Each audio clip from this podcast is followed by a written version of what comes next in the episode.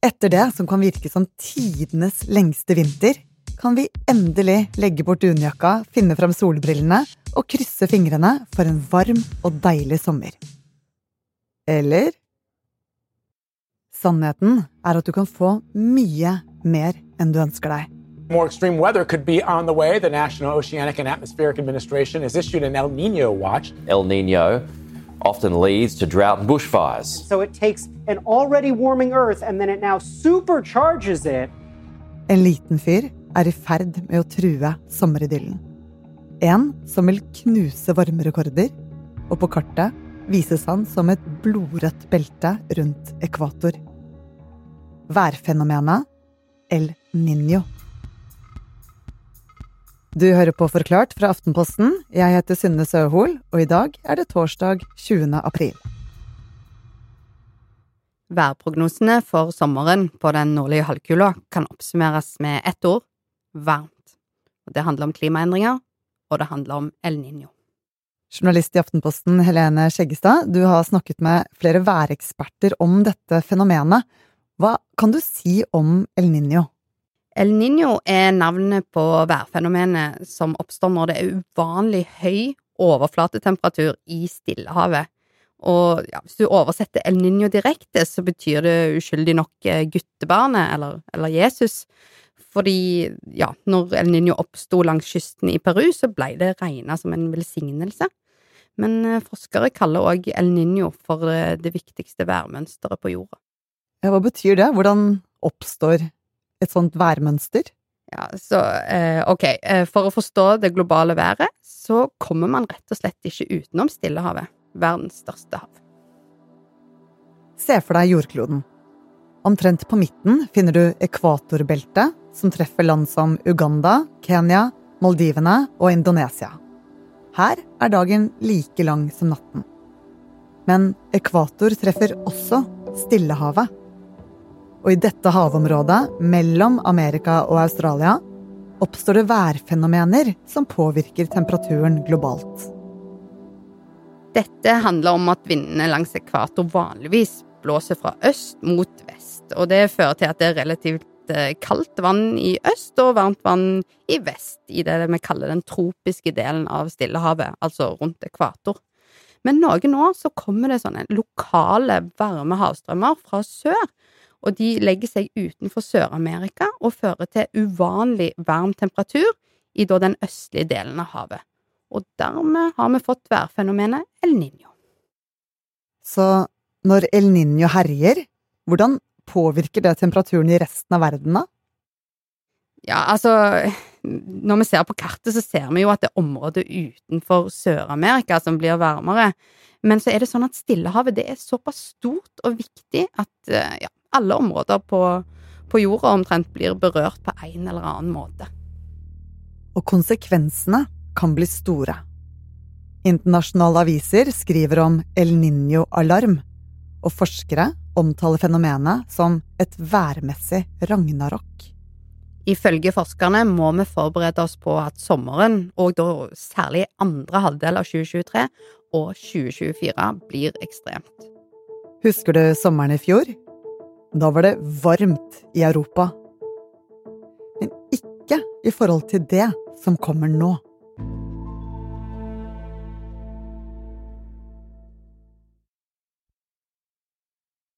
France is facing yet another heat wave, the third so far this summer. The country's The heat wave has caused hundreds of deaths, with thousands of people forced to evacuate their homes. And I'm in London and I'm boiling here, so something must change. Sommeren i fjor ble det meldt om hetebølger og nye temperaturrekorder rundt i Europa. Til tross for at det var en periode da det kjøligere værsystemet La Ninja rådet. Tro det eller ei, så har det faktisk vært uvanlig kaldt i dette viktige Stillehavet de siste tre årene. Det til tross for at vi har snakka på inn- og utpust om varmerekorder som har falt.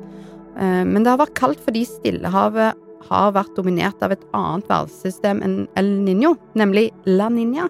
Og La Niña det er det motsatte av El Niño. Og det er ganske sånn kompliserte greier hvordan disse to skifter. Altså enkelt sagt og, så handler det om hvordan havet og luft og vindene jobber sammen. Men uansett da, så har i hvert fall La Niña nå flata ut. Men hva skjedde egentlig med La Ninja, for skulle ikke hun dempe oppvarmingen? Jo, det er jo riktig det, da, at eh, La Ninja normalt fører til lavere gjennomsnittstemperatur globalt sett. Og så likevel så ser vi da at temperaturen har økt jevnt og trutt. Og La Ninja har rett og slett ikke klart å forhindre eh, varmerekorder de siste årene, og det forskerne tenker på, er egentlig hva som hadde vært den globale temperaturen om vi ikke hadde hatt La Niña. Eh, han ene sier for eksempel at ja, vi har hatt La Niña, men likevel satt varmerekorder. Derfor ser det ikke bra ut når El Niño nå treffer. Og El Niño er ikke noe nytt. Men det som skremmer forskerne, er at årets El Niño utvikler seg kraftigere og tidligere enn ventet. Vi har faktisk allerede fått et forvarsel på hva som blir konsekvensene av El Niño.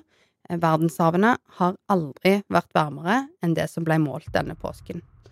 Og en klimatolog som har snakka med den tyske avisen Bild, han oppsummerer værutsiktene, og han mener at eh, globalt da, så vil El Niño trolig føre til rekordtørke og hetebølge i Sør-Afrika, skogbranner i Brasil og Venezuela, hete i Sørøst-Asia, og da snakker vi altså temperaturer mellom 45 og 50 grader, og eh, hetebølge i den østlige delen av USA. Og for oss, da, når vi ser på kartet, så ser vi òg at sentrale eh, deler av Europa òg er knallrødt. Det blir varmt. Så ja, det blir altså varmt og tørke og skogbranner og egentlig alt man kan forvente seg med temperaturer opp mot 50 grader. Og sist gang vi hadde en El Niño, sånn sterk El Niño, i 2016, så ble 60 millioner mennesker berørt globalt. Og 2016 ble det varmeste året som noen gang ble registrert i verden sett under ett.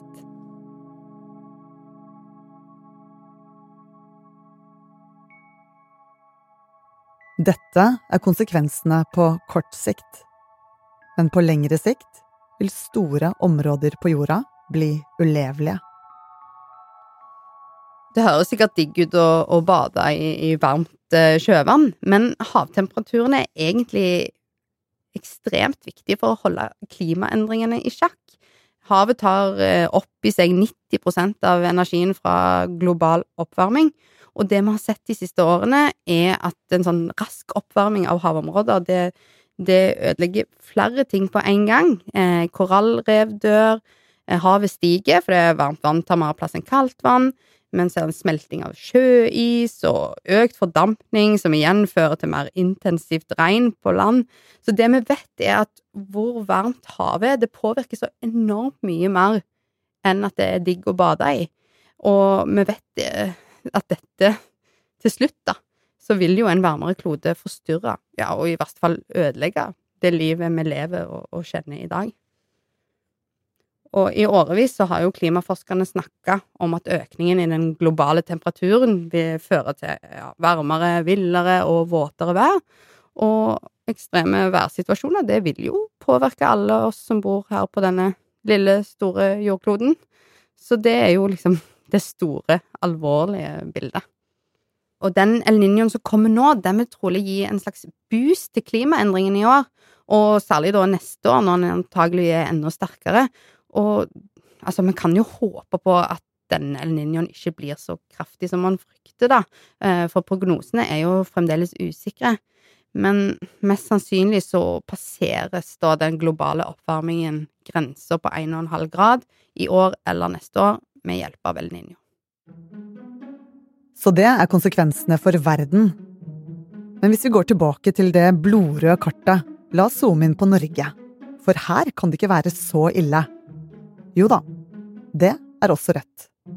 Ifølge det amerikanske værinstituttet så er Norge òg rødt. Men siden dette er veldig usikre prognoser, så spriker de òg noe fra tjeneste til tjeneste. Og Ser man på prognosene fra det europeiske instituttet Copernicus, som eh, ligger jo litt nærmere Norge enn det USA gjør, så ser det ut som Norge får en sommer på det jevne.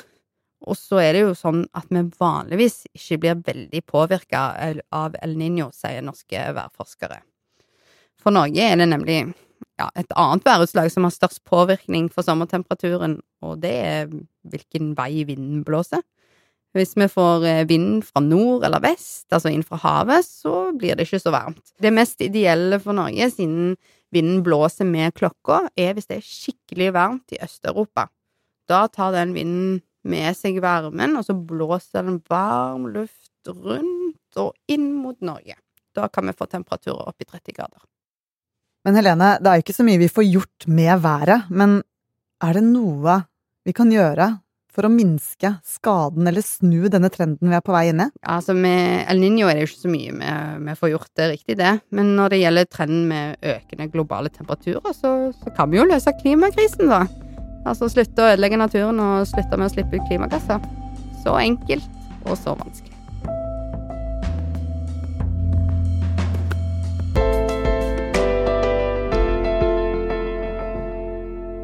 Du har hørt en podkast fra Aftenposten. Det var Helene Skjeggestad som forklarte deg værfenomenet El Niño. Denne episoden er laget av produsent Olav Eggesvik og meg, Synne Søhol. Resten av Forklart er Jenny Førland, Philip A. Johannesborg og Anders Weberg. Lyden du hørte, er fra BBC, Al Jazeera, CBS News, Euronews og news.com.